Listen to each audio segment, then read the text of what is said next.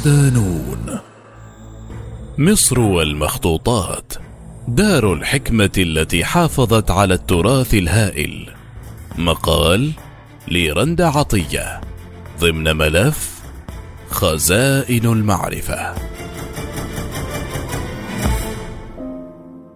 عرف المصريون الورق منذ أكثر من سبعة آلاف عام فهم من أقدم شعوب الأرض دراية بالقراءة والكتابة وأول من استخدموا مواد وأدوات للكتابة وكانت عبارة عن نبات يزرع على ضفاف نهر النيل يسمى البردي الذي يعتبره المؤرخون أول مرحلة في صناعة الورق عرفتها البشرية.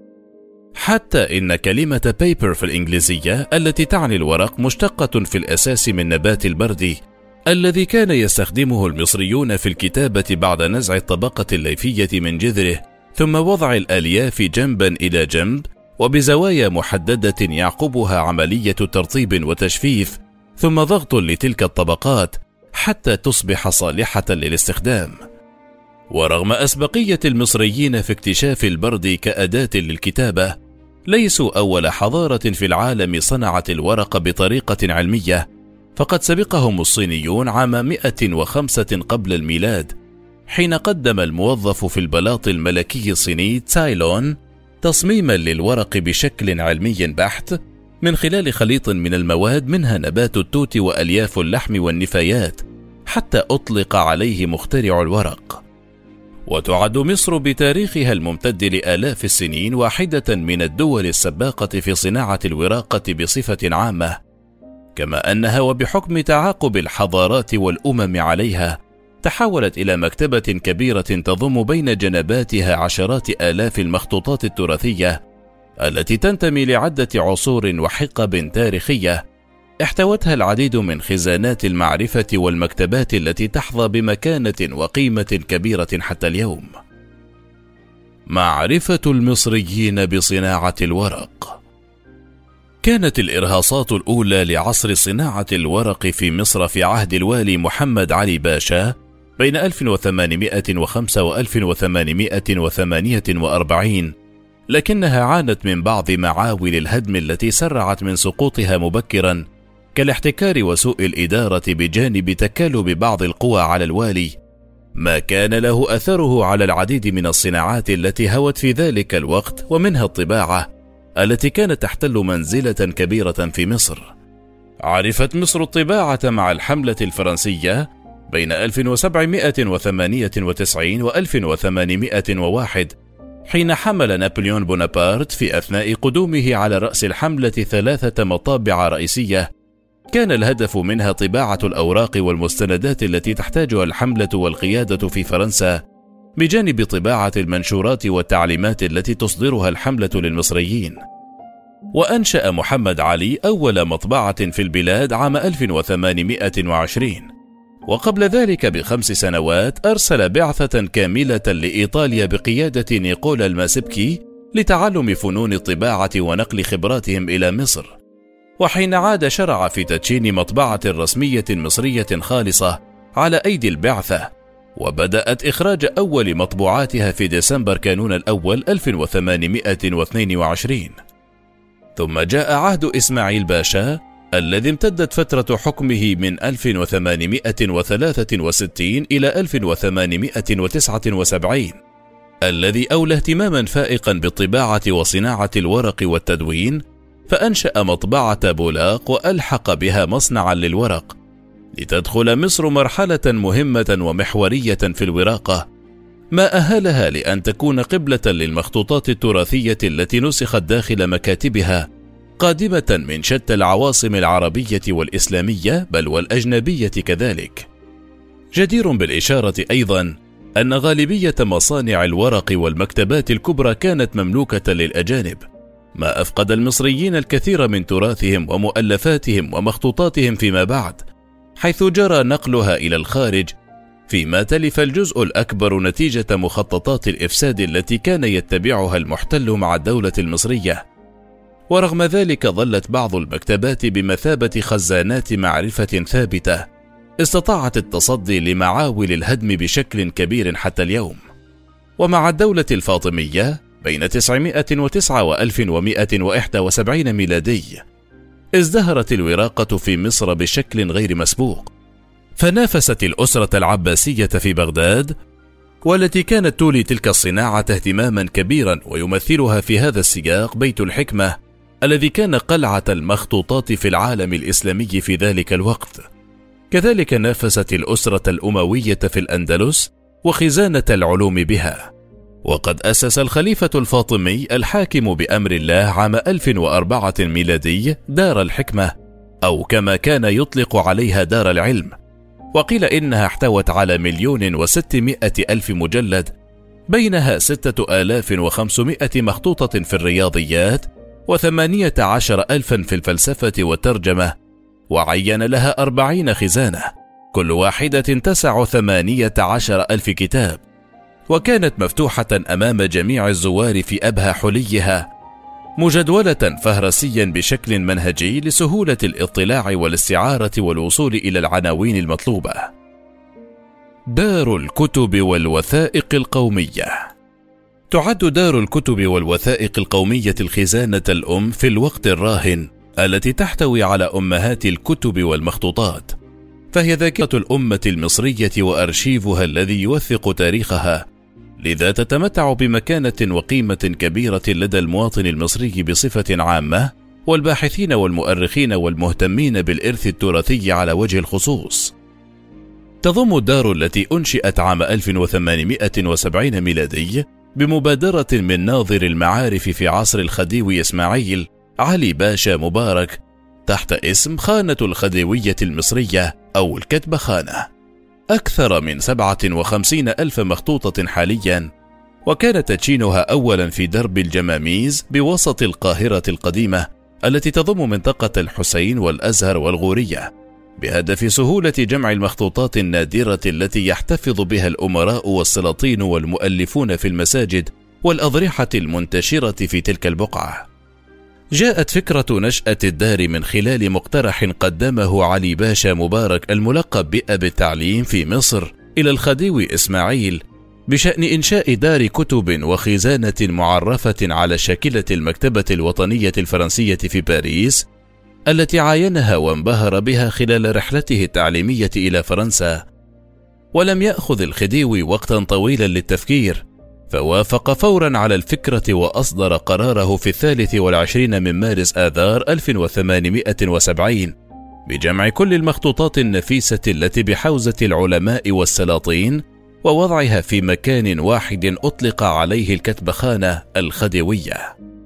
ومع اكتظاظ الدار بالمخطوطات والمؤلفات وضيق المكان، تم نقلها إلى المبنى الجديد بميدان باب الخلق عام 1903 ثم أعيد نقلها مرة أخرى إلى مبناها الحالي على كورنيش النيل برمل بولاق عام 1973 بعدما تم تدشين بناء كامل خاص بها وافتتاحه عام 1977 ارتفع رصيد الدار من المخطوطات من 19 ألف مخطوطة عام 1916 إلى ثلاثة أضعاف هذا الرقم عام 1929 وذلك بعدما أضيف لها رصيد مخطوطات المكتبة التيمورية لصاحبها أحمد تيمور باشا ثم المكتبة الزكية لصاحبها أحمد زكي باشا ومكتبة مصطفى فاضل باشا شقيق الخديوي إسماعيل ومكتبة خليل آغا والشيخ عمر مكرم حتى وصل عدد المخطوطات التي تحتضنها الدار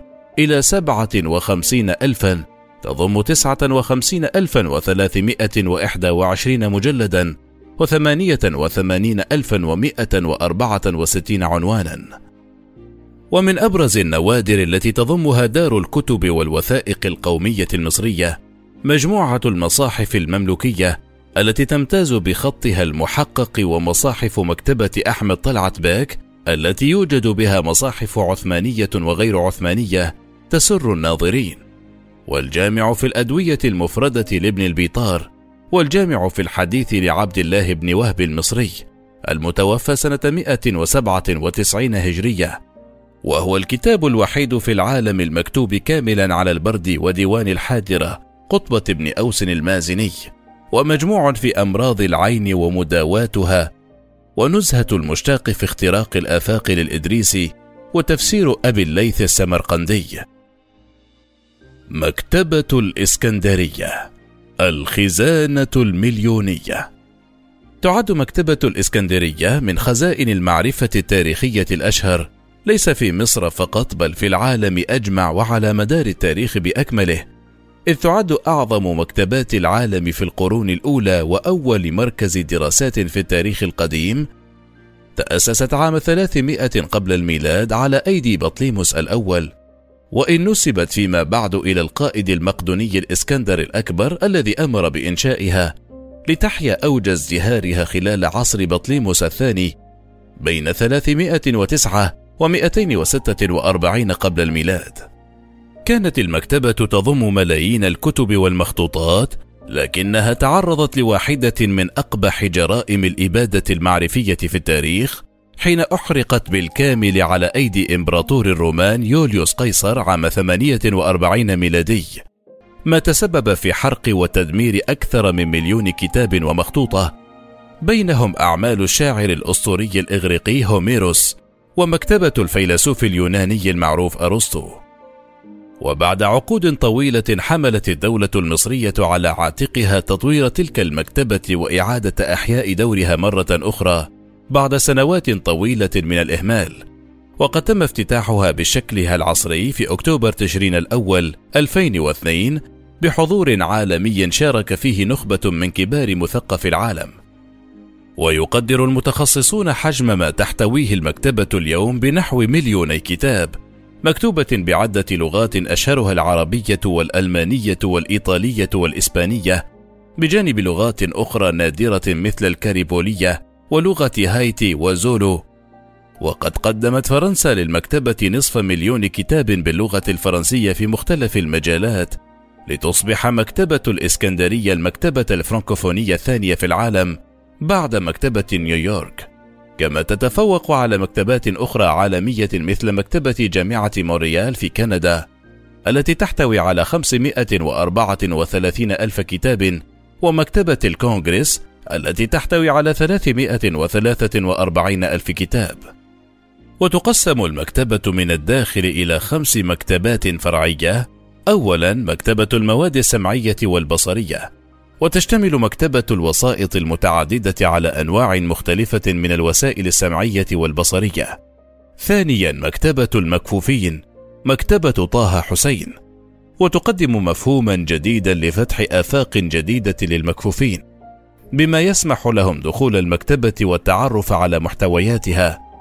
ثالثا مكتبة الأطفال وهي التي تستهدف الأطفال الذين تتراوح أعمارهم بين ستة وإثنى عشر عاما وتهدف إلى تشجيع الأطفال على القراءة رابعا مكتبة النشء التي تستهدف الفئة العمرية بين 12 و 16 عاما وتهدف إلى تأهيل النشء وتدريبه على القراءة والبحث خامسا مكتبة المواد الميكروفيلمية التي تمنح الباحثين فرصة للاطلاع على عدد من المخطوطات والوثائق المختلفة. سادسا مكتبة الكتب النادرة والمجموعات الخاصة التي تضم المخطوطات النادرة التي تمتلكها مكتبة الإسكندرية وهي مخطوطات ذات لغات مختلفة فمنها العربية والتركية والفارسية.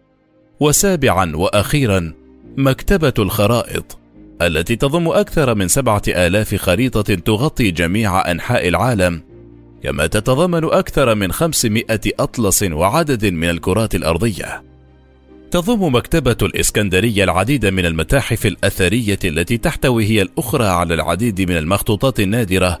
على رأسها متحف الآثار الذي يضم مخطوطات تعود إلى عصور مختلفة للحضارة المصرية. بدءا من العصر الفرعوني حتى العصر الإسلامي مرورا بالحضارة اليونانية التي جاءت إلى مصر مع غزو الإسكندر. كذلك متحف المخطوطات الذي يعد أحد المراكز الأكاديمية الملحقة بالمكتبة وينقسم إلى قسم الأوعية النادرة وقسم الميكروفيلم به قرابة ثلاثين ألف مخطوطة وخمسين ألف وثيقة. وقسم العرض المتحفي وفي الأخير يأتي متحف تاريخ العلوم الذي يوثق بالوثائق والمخطوطات تطور العلوم في مصر على مدى ثلاث فترات تاريخية متعاقبة. تتكون منها الأقسام الرئيسية للمتحف وهي القسم الفرعوني والقسم اليوناني وقسم العلوم العربية والإسلامية. مكتبة الأزهر مهمة حفظ التراث العظيم. تعد مكتبة الأزهر التابعة لمؤسسة الأزهر الشريف واحدة من كبريات خزانة المعرفة في مصر والعالم الإسلامي. إذ تحتضن أكثر من 116 ألف كتاب ومخطوطة في مختلف العلوم والفنون بجانب قرابة نصف مليون مجلد فضلا عن مئات المخطوطات النادرة التي حولت تلك المكتبة إلى قبلة للباحثين من مختلف دول العالم. كانت النواة الأولى لتلك المكتبة التي أنشأها الشيخ محمد عبده عام 1897 ميلادي نحو سبعة آلاف وسبعمائة وثلاثة كتاب منها ستة آلاف وستمائة وسبعة عشر كتابا مهدي وألف وستة وثمانون عن طريق الشراء. وكان هدفها الرئيسي الذي من أجله أنشئت هو حفظ التراث العظيم من الضياع والتلف.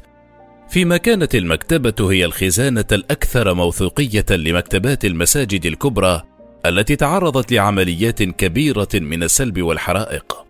ومن أشهر المخطوطات النادرة بالمكتبة المصاحف المنسوخة بالخط الكوفي والثلث والفارسي والنسخ والمحلات بالزخارف والنقوش ومنها قطعتان من مصحفين كتب عام 465 هجرية ومصحف مخطوط كتب عام 741 هجرية ومصحف مخطوط عام 528 شهدت المكتبة تطويرا خلال السنوات الأخيرة حيث زاد عدد طوابقها إلى أربعة عشر طابقا وإحدى وعشرين غرفة مجهزة بأحدث النظم المكتبية كما تتبنى نظاما لتيسير القراءة والبحث والاطلاع على الباحثين والطلاب.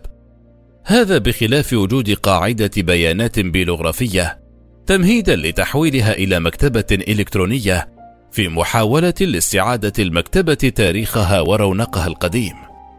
وهكذا تحتضن مصر العديد من دور الخزانة التاريخية التي كان لها دورها الرائد في حفظ هذا التراث الهائل والاستناد عليه كأحد أعمدة التراث العربي والإسلامي وسط مناشدات مستمرة لتطوير تلك الخزانات والاستفادة منها قدر الإمكان والحفاظ عليها كونها ثروة قومية لا تقدر بثمن.